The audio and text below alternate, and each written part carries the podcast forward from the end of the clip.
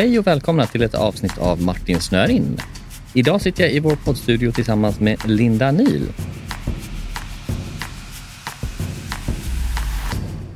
Hej Hej! och välkommen. Martin.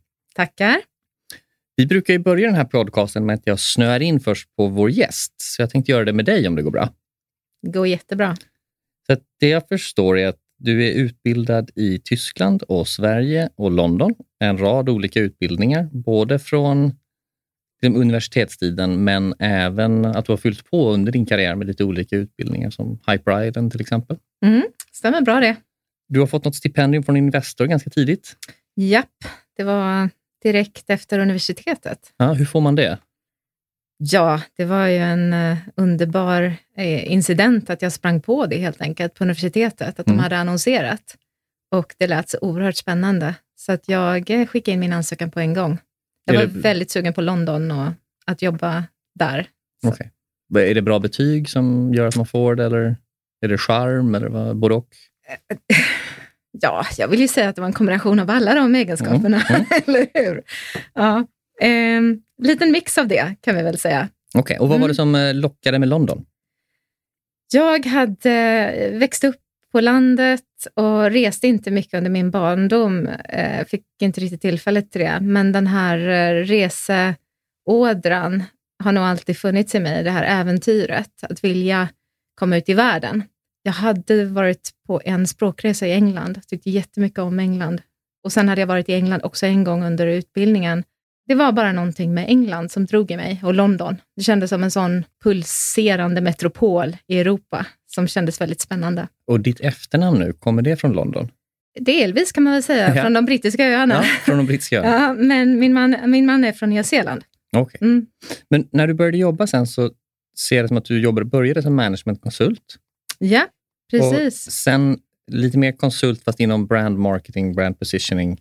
Ja, efter några år inom mer managementkonsultområdet kan man väl säga, så hittade jag passionen för varumärkesutveckling. Mm. Det var i ett projekt när de frågorna dök upp.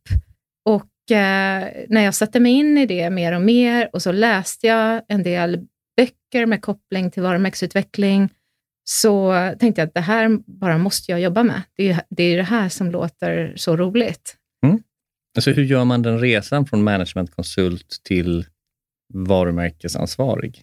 Ja, resan för mig började väl med att jag eh, i princip, det var ett företag i England som eh, hade utmärkt sig mycket inom branding consultancy egentligen, som jag fick upp ögonen för. Så jag gjorde en direktansökan till dem och eh, lyckades få in en fot. Mm.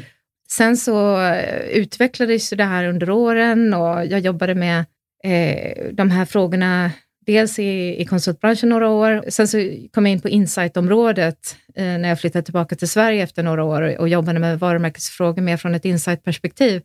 Men det var alltid med koppling till brand growth som jag, det är där som passionen har, har funnits, kan man väl säga. Blev ditt yrke mindre konkret när du jobbade med varumärkesfrågor?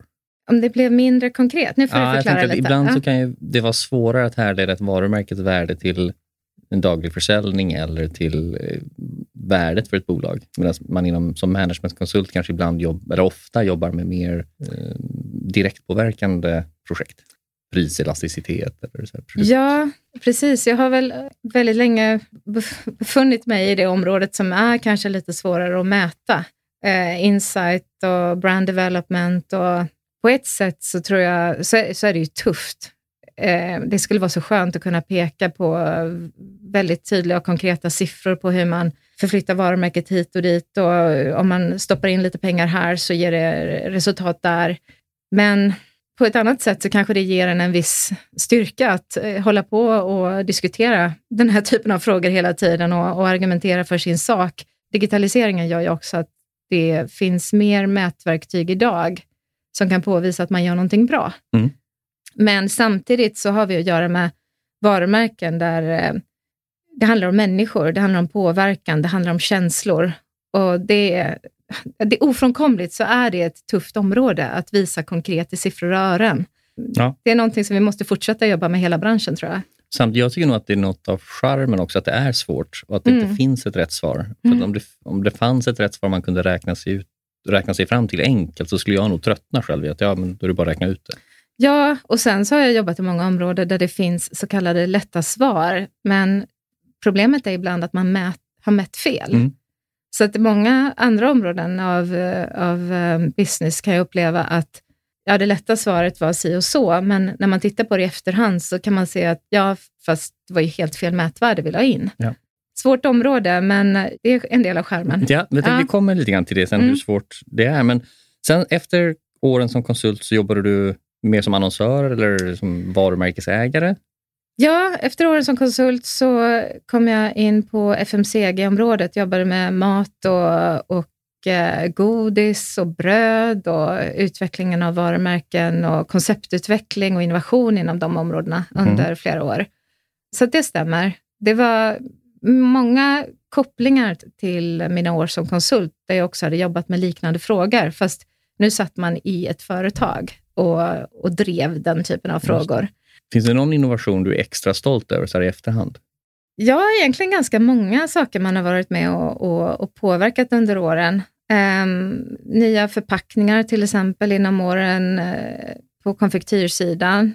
Det var en ny uh, chokladvarumärke som jag var med och tog fram under åren på Fazer. Tyvärr finns det inte kvar längre. Så att man kan vara stolt över saker i efterhand, men sen så var det saker som påverkade att det ändå var svårt att ta sig igenom. Jag är stolt Mm. över många projekt som inte har lanserats. Mm. Och det kan man egentligen tycka är lite tragiskt på sätt och vis. Men eh, i varje projekt har man lärt sig någonting. Ja, visst. Ja, Det är det. Och efter konfektyren så blev det Husqvarna. precis. En helt annan bransch på många sätt. Eh, många saker som görs på ett helt annat vis när man kommer in i ett stort, eh, mycket mer ingenjörsdrivet företag. Mm. De andra företagen jag hade jobbat på var ju också stora, men drivna mycket mer utifrån ett säljperspektiv skulle jag väl säga. Mm. Det var en stor förändring. Jag ser att du har haft fyra olika roller på Husqvarna under sju år. Mm. Ja, precis. Är du, är du rastlös? Ja, till viss del är jag nog Mm. det i naturen. Det har nog också med koppling till en möjlighet att påverka och en möjlighet att, att driva förändring, positiv förändring. Mm. Upplever jag att en eh, miljö eller en situation eller en roll inte riktigt ger den möjligheten, då, då väcks det ju tankar kring hur kan, hur kan man ta det vidare till eh, något som ger den möjligheten. Vad står Husqvarna för för dig? Husqvarna står för eh, stolthet, för innovationskraft, kvalitet och otroligt mycket mod. När man läser på om Husqvarna så tycker jag att innovation är någonting som återkommer. Mm. Att jag tror det står nästan på första sidan på hemsidan och ni sponsrar väl också Årets svensk nu inom innovation. Just det. Finns det någon bitterhet att ni inte får lika mycket uppmärksamhet som Spotify och Klarna kring innovation? Nej, det skulle jag inte säga. Men det är väl snarare det att vi ser oss själva som eh, lite mer åt det hållet, fast inom vår bransch. Mm. Spotify och, och Klarna, de gör shit i sin bransch Mm. och revolutionerar den. Och sen så har de ju givetvis fantastiska budgetar som gör att de gör, kan göra stora grejer. Ja. Vad vi gör i vår bransch, det är ju att vi revolutionerar den inifrån. Mm. Den typen av innovation som vi för till vår bransch är ju helt revolutionerande och kommer ju förändra arbetssätt och metoder för eh, professionella användare, och för, men även liksom de som jobbar hemma dagligdags i sina trädgårdar på ett jättespännande sätt framöver. Så det är ju en bransch där produkter kanske har varit på väldigt liknande sätt under väldigt, väldigt många års tid, så kommer det ju inte se ut så framöver. Där går vi verkligen i bräschen i förändring. Om man Ja. pratar om, eh, om bilar, så pratar man, om man, och då ser långt framåt, så pratar man om självkörande bilar som en, en, en stor förändring mot idag. Ja. Inom era produktkategorier, om man tittar då 20 år framåt, vad kommer att vara den största förändringen inom någon kategori? Det som redan är på gång och det som kommer vara ännu mer av, det är väl eh, autonoma fordon och autonoma lösningar och en serviceindustri som växer fram, som inte har funnits tidigare. Även det att produkterna blir smarta, att eh, de på det sättet också hjälper dig att arbeta smartare och ger dig information och, och kunskap som gör att du kan göra ett bättre jobb. Oavsett om du är professionell användare eller om du kör runt en, en rider i trädgården, så kan produkten ge dig eh, intelligens som gör att du kan göra ett bättre jobb. Så bara för lyssnarnas skull också, vilken typ av produkter pratar vi? Vi backar lite där. Ja, absolut. Om man tänker på gräsklippning till Mm, exempel. Det är bra. Ja, vi- om vi börjar med det. Ja. Så, redan idag har vi robotgräsklippare Ja, i villaträdgårdar i Mm. Sverige. Eh, och den typen av lösningar kommer inte bara finnas endast i, i villaträdgårdar framöver, utan du kommer se om typen av lösningar i, i många fler eh, applikationer framöver, i professionella situationer och eh, på golfbanor, på fotbollsstadion, på eh, grönytor utanför skolor. Det kommer vara mycket mer åt det Mm. hållet. Just, det. och Absolut. hur intelligenta är de här gräsklipparna idag? Så vad, vad klarar de av för utmaning? De är rätt smarta. Jag har själv en sån i min trädgård, men de kommer bli mångt mycket smartare. Mm.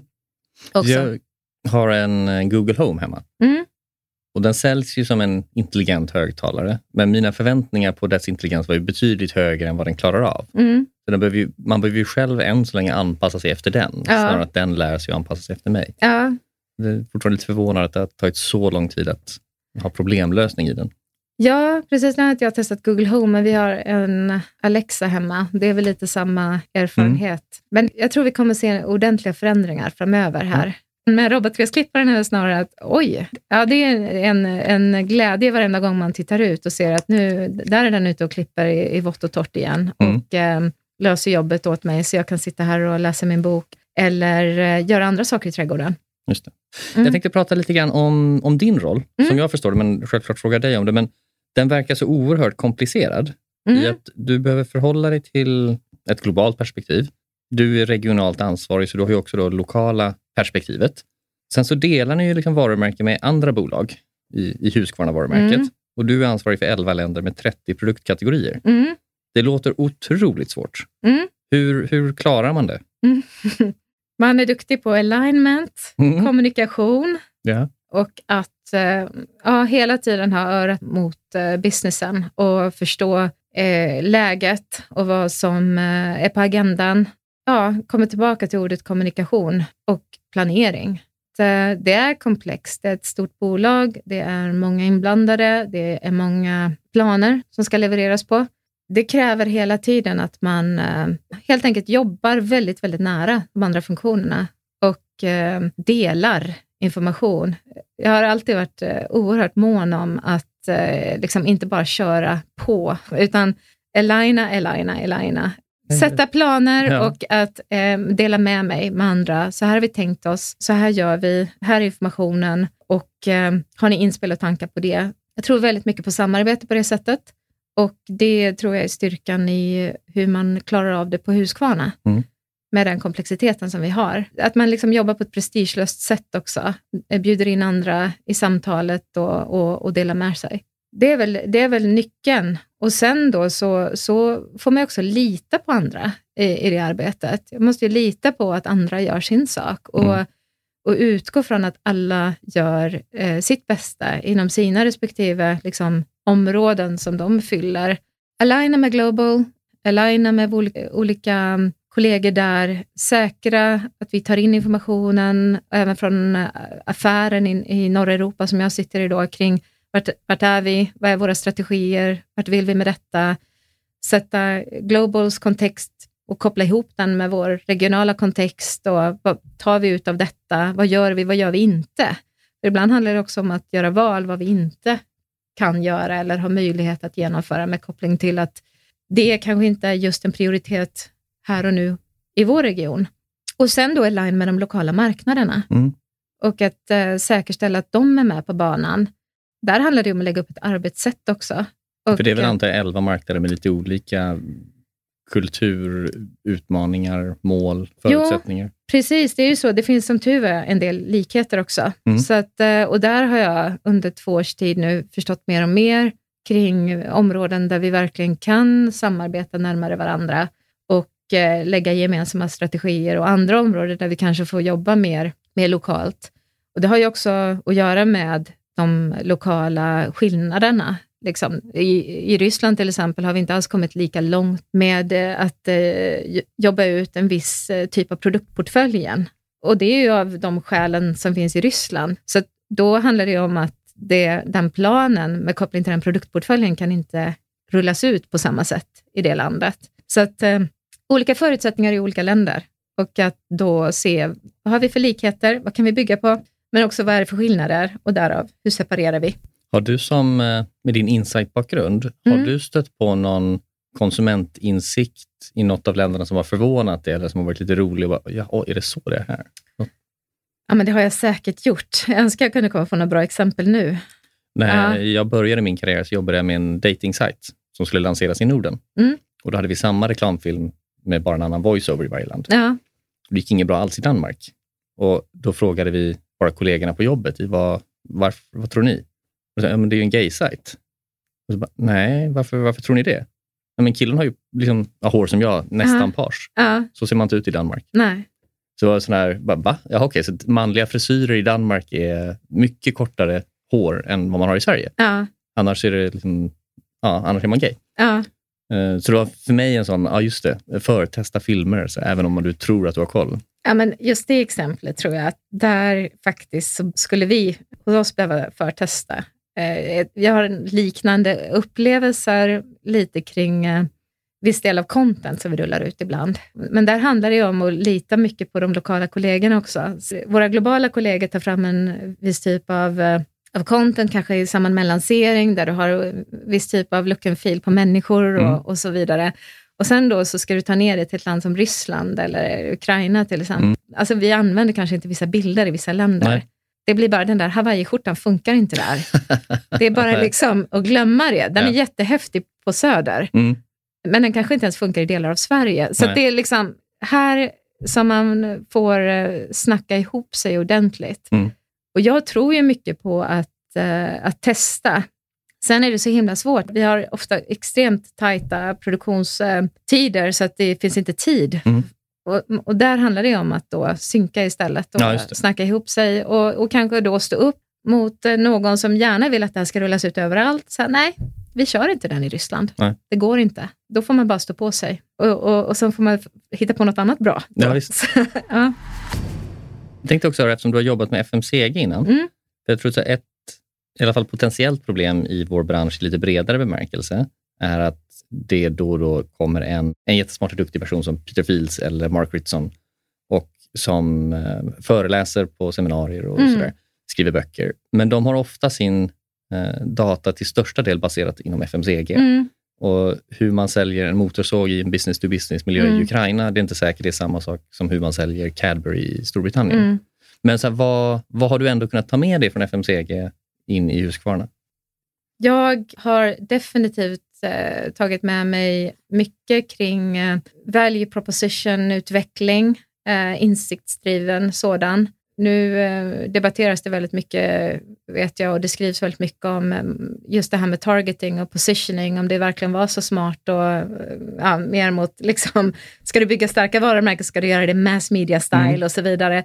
Men jag har jobbat otroligt mycket med positioning och targeting, så jag har väl antagligen jobbat med helt fel saker under väldigt många år. Men jag har tagit med mig mycket av det i vart fall. Mm. Och jag tycker ändå det har gett bra resultat i det jobbet vi har gjort i form av att lära känna vår kund eh, mycket bättre, att uh, förstå vem vi riktar oss mot, att därmed också utveckla rätt typ av lösningar för den typen av målgrupp, att um, förstå hur de köper, hur deras köpresa ser ut, därmed utveckla vår kundresa så att den blir starkare och bättre utifrån det. Det starkaste som jag har med mig från FMCG, det är ju en otroligt fokus på kunden. För det finns ju ingen bransch som är så kundorienterad, kan jag uppleva, mm. som just FMCG. Eh, och det blir jag nog ganska förvånad över liksom, när jag kommit in i andra branscher under åren och bara, ja, men är inte det här en naturlig del? Som du bara, liksom, det, det första du tänker på, vem är målgruppen och hur tänker de? Hur kan jag där, därefter liksom, tänka kring produkten, kring en service, kring en lösning, kring en köpresa? Liksom, att allting bör utgå ifrån vad som ger kunden värde. Men hade ja. inte många svenska stora företag, liksom, det gick lite för bra under 1900-talet mm. genom att de gjorde världens bästa kullager. Mm. Och då behövde man inte liksom bry sig så mycket om, om kunden. Och sen de senaste 10 åren eller 20 åren kanske man liksom har börjat komma ikapp då på marketingsidan. Ja, Precis, så, eh, det, det, det, var väl lite faktiskt en reflektion jag hade när jag flyttade tillbaka från London. Då var jag, då jag rätt chockad i början. Att, eh, för jag tyckte att det, det var inte något revolutionerande som jag kom med mig. Nej. Eh, liksom med konceptutveckling utifrån customer insight och varumärkesutveckling utifrån insight och alla de här delar nog att, att, att research är en, en, naturlig del av ditt arbete eh, och mycket kvalitativ research, eh, mycket liksom verkligen komma kunden nära typ av research. Och det kändes lite som att i vissa situationer att det var helt nya begrepp och folk bara wow, så här. Jag, jag har också reflekterat rätt mycket kring det här med, på senare tid nu med med att alla eh, de stora eh, BCG och McKinsey köper på sig eh, byråer som jobbar med journey mapping och, och sånt där. Och jag bara reflekterat, så det här är ju helt naturligt egentligen. Liksom, det är klart du ska kunna din kund, det är klart att du ska kunna köpresan, det är klart att du ska förstå hur du designar dina produkter och service mm. utefter kundinsikt. Egentligen kanske mer förvånar att det har tagit så lång tid. Liksom. Mm. Att, att även för de här stora konsultdrakarna plocka upp det här. Så jag tycker bara det är fantastiskt att det äntligen händer. Vi går tillbaka till gräsklipparna mm. och pratar köpresan. För Det brukar vara kul för andra att förstå. Om man pratar bilar så brukar det vara en beslutsperiod på tre till sex månader. Mm. ofta så triggas ju den igång av att någonting har hänt i ens liv. Att man mm. får barn eller vinner på Lotto eller vad det nu kan vara. jag tror att inom mobilabonnemangsvärlden, när man väl byter, så är det tre dagars betänketid och av dem så tittar man på Netflix två och en halv dag. Ja. Så det är tre minuter man lägger ja. på det. Hur ser det ut för en gräsklippare, för en konsument?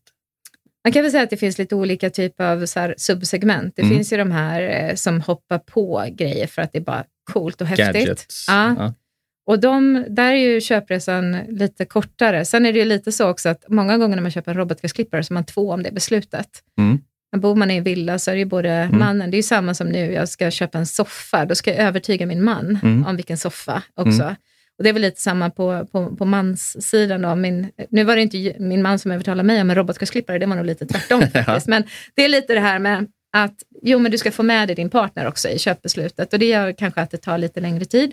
Men gadget-freaksen, de, där tror jag att, att beslutet eh, tar inte så lång tid, men de gör ju sin research. Mm. Och, så det tar nog ändå några månader innan mm. vi verkligen fattar beslut. Sen har vi ju förstått att inom just um, det här segmentet så handlar det väldigt mycket om att, att verkligen tro att det här löser mitt problem. Det finns väldigt mycket doubts, liksom. väldigt mycket så här um, att man inte riktigt tror att det här jag försöker fundera på någon liknande kategori där man, du vet man köper någonting och man tänker så här, Ja, det var väl bra, fast upplevelsen var så mycket bättre. Ja. Vi köpte en Philips Hue, en mm. sån här lampa mm. nyligen. Och eh, Det var min man då som tyckte det var jättehäftigt och, och bra. Och jag var jätteskeptisk. Men när vi väl har den här nu så bara, wow, gud vad häftigt. Den är ju så bra. Vi får liksom morgonljus och mm. vi får kvällsljus och man kan ställa in den på olika liksom, nivåer. Och det var så här, ganska litet inköp, men som har gett sån mersmak. Jag skulle vilja ha Philips Hue överallt i hela huset. ja, okay. ja, och det är lite så med parallellen robotgräsklippare. Mm. Du fattar inte hur bra det är förrän du har en. Och då krävs det ofta att grannen har en först kanske, eller att någon du beundrar har en, mm. eller någon cool kompis har en mm. och berättar hur bra det är. Mm. Att väcka den här triggern som är, är, superviktigt och som vi, vi har lärt oss mycket om, liksom att det är det, det vi måste göra. Vi måste väcka köplusten, liksom köpintresset och sen att konvertera sen kanske handlar om att det finns ett riktigt bra erbjudande just nu. Mm. Eller att liksom, du kommer till ett stadie att eh, ja, det kan ju vara andra orsaker också. Det kan vara att gräset växer oerhört mycket en mm. säsong. Mm. Så det, att det blir en otroligt regnig maj. Folk blir tokiga då kanske och bara blir så himla less på att klippa gräset mm. och det kanske hjälper till att konvertera. Så det kan ju vara flera olika ja, saker som hjälper till, men att det då faktiskt är ett bra erbjudande.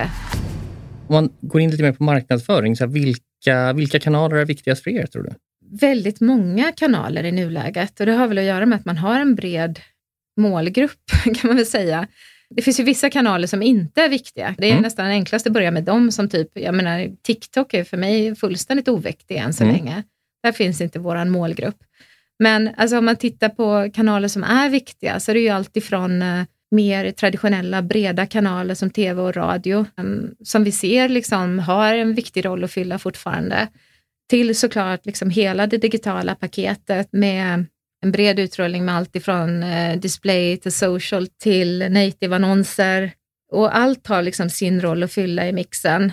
Och sen då har du hela området kring sök som är jätte, jätteviktigt. Det är otroligt svårt att säga att något av de här är mer eller mindre viktigt faktiskt. Och nu pratar jag mot konsumentmålgruppen. Mm. Om vi pratar om promålgruppen så är det mycket mer snävare kanalanvändning idag och mer eh, verkligen liksom riktad till att hitta proffsen i dess rätta miljö och, och tala till dem eh, på rätt sätt där. Så väldigt brett kan man väl säga, just med koppling till att vi har olika målgrupper och att vi har också ett stort åldersspann av intressenter mm. som vi jobbar mot.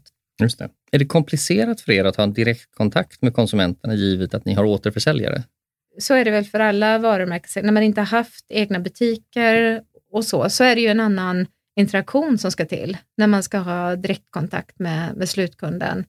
Och den resan har ju redan påbörjats för flera år sedan när vi öppnade upp egna kanaler då med Instagram och Facebook och så, för där får du ju en direktkontakt med, med mm. slutkunden och förväntas svara på frågor och, och så. Så den, den resan är påbörjad redan där och sen blir ju den mer, eh, den blir ju mer utvecklad då när man ska starta e-com till exempel. Det är nytt på det sättet och där måste man ju sätta nya processer på plats mm. och, och tänka igenom hur jobbar vi då för att eh, när vi är vana och, och eh, har liksom arbetssätt och processer på plats för att möta våra återförsäljare och med stöttning till dem så måste vi ju sätta upp det ja, på, på ett annat sätt då ja. när man möter en slutkund. Ja, för ni har väl ofta en eh, överlägsen kompetens kring era produkter mot vad återförsäljaren kan ha? Alltså de är otroligt kompetenta. Mm.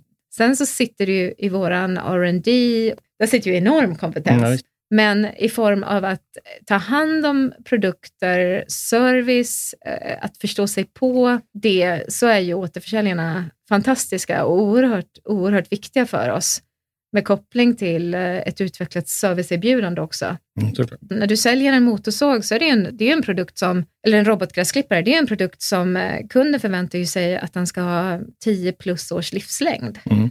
Och under de tio åren så behöver den ju tas om hand. Mm. Och den behöver ju kärlek och omsorg och den kunskapen sitter ju sällan hos slutkunden. Nej, såklart. Så där behöver du en återförsäljare som, ja, som gör ett, ett riktigt eh, fint jobb. Du pratar om aktivitet på Facebook, Instagram och sådär. Vilken roll försöker ni ta i sociala medier? Vilken, vilken är er röst? Vi vill ju verkligen eh, presentera Huskvarna på ett riktigt bra sätt, men också ta en roll som en inspiratör och informatör och också utbildare till viss del eh, i vår bransch. Så att det handlar om att presentera våra lösningar på ett sätt som, eh, som engagerar målgruppen så att eh, man är intresserad av att följa oss. Eh, om vi bara basunerade ut att vi har häftiga produkter hit och dit, då tror jag inte vi skulle ha de följarantalen som, som vi har. Utan genom att eh, ge tips och att eh, informera om bra saker som händer eller bra saker som kommer eller eh, också inspirera på hur man kan göra saker på ett annat sätt eller på ett bra sätt i den typen av kanal. För den kanalen lånade sig ju inte att liksom gå in för djupt på saker och ting, utan det är snarare det att liksom ge den där eh, inspirationen på ett eh, lättsamt och bra sätt så att, och att man kanske då kan gå och söka mer information om man är intresserad av att fördjupa sig. Mm. Och då hjälper ju webben till. Så att vi försöker ju verkligen att, att uh, jobba med kanalerna på ett, ett integrerat sätt. Så att uh, när vi har inspiration och information på social så ska ju det i sin tur också koppla till någonting som vi kan då följa upp och informera mer om på webben. Så att vi driver trafiken och ja, att man kan fördjupa sig. Och det har jag sett ge fantastiskt resultat så här långt mm. i form av att vi har otroligt bra trafik som kommer in via de kanalerna och att vi ser att kunden faktiskt läser mm. och informerar sig. Och vi har också utvecklat innehållet på sajten ordentligt under senare år. Just. Men det är väl i allmänhet produkter som kostar ett par tusen och uppåt och som man, som du säger, ska hålla i tio år. Ja, jag antar att man vill göra ganska mycket research på.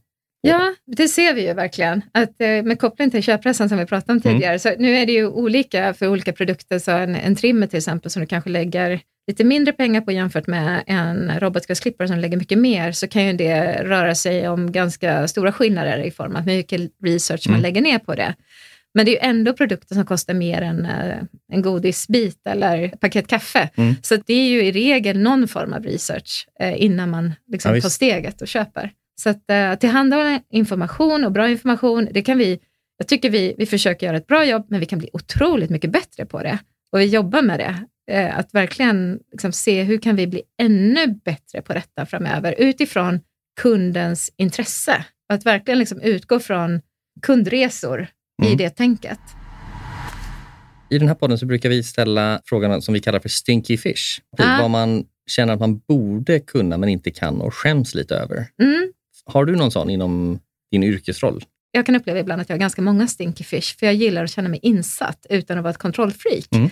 Men för att ge mina, ge mina medarbetare bra feedback så gillar jag att kunna förstå tillräckligt mycket för att kunna vara ett bra bollplank. Mm. Och det området som jag känner, som kanske är min stinky fish just nu, där jag känner att jag skulle vilja förstå lite mer kring detta, det är ju området sök, kan jag tycka. För att jag tycker det är så otroligt viktigt och det är jätteintressant, men det är, upplever jag då, det är så mycket kring det. Liksom.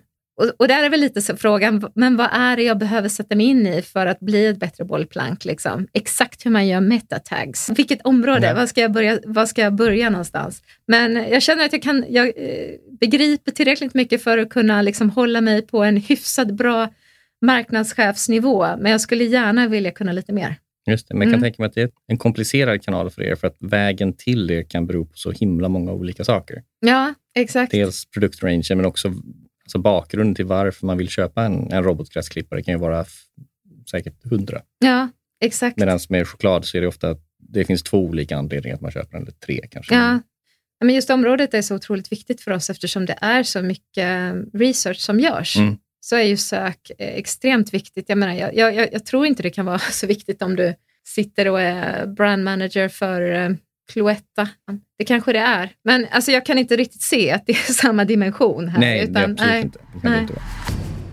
En sak vi brukar fråga alla våra gäster är pay it forward. Eh, Det vill säga att man har chansen att säga vad man själv skulle vilja lyssna på och sen försöker vi hitta den rollen eller kompetensen eller personen. Mm. Vad skulle du vilja lyssna på i en podcast om marknadsföring? Det skulle vara intressant med koppling till det här med brand positioning-frågor som jag har jobbat med mycket under åren. Så, så, så skulle jag tycka det var intre- intressant att lyssna på någon som verkligen jobbar med det i en bransch som är liksom vår bransch, ett område där du, har, du kanske har flera varumärken som gör väldigt liknande saker. Så att eh, där Husqvarna Group till exempel har eh, dels Husqvarna-varumärket, men sen har du Gardena-varumärket också Mm. och du har eh, produkter i samma segment. Jag skulle tycka det var jätteintressant att höra från en annan marknadsförare som har samma utmaning, alltså där du har flera varumärken som du ska hantera i, i, en, eh, i en mer teknisk bransch som vår.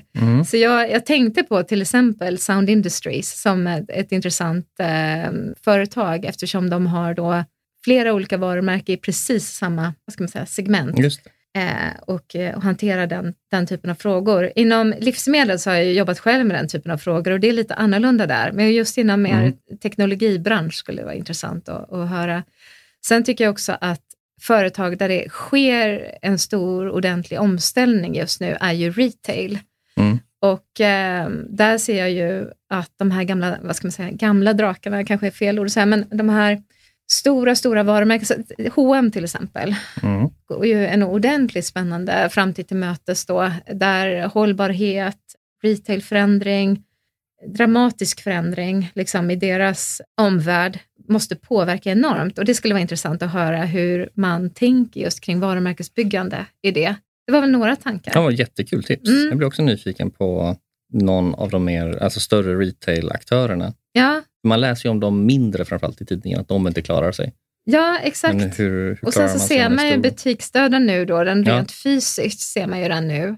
Hela den här digitaliseringsvågen, att de kanske inte, eller i vart fall upplever jag inte att flera av dem är jättesnabba på det här med Instagram och social shopping och allt det här, utan det är andra varumärken som kommer fram Mm. där. Och då undrar man lite hur, hur tänker de? Vad, vad gör de? Det är superbra Ja. frågor också. Mm. Stort tack! Ja, tack. Det här var jättetrevligt. Jag får Ja, tacka detsamma. för att jag blev inbjuden. Ja, tack så jättemycket för att du ville komma.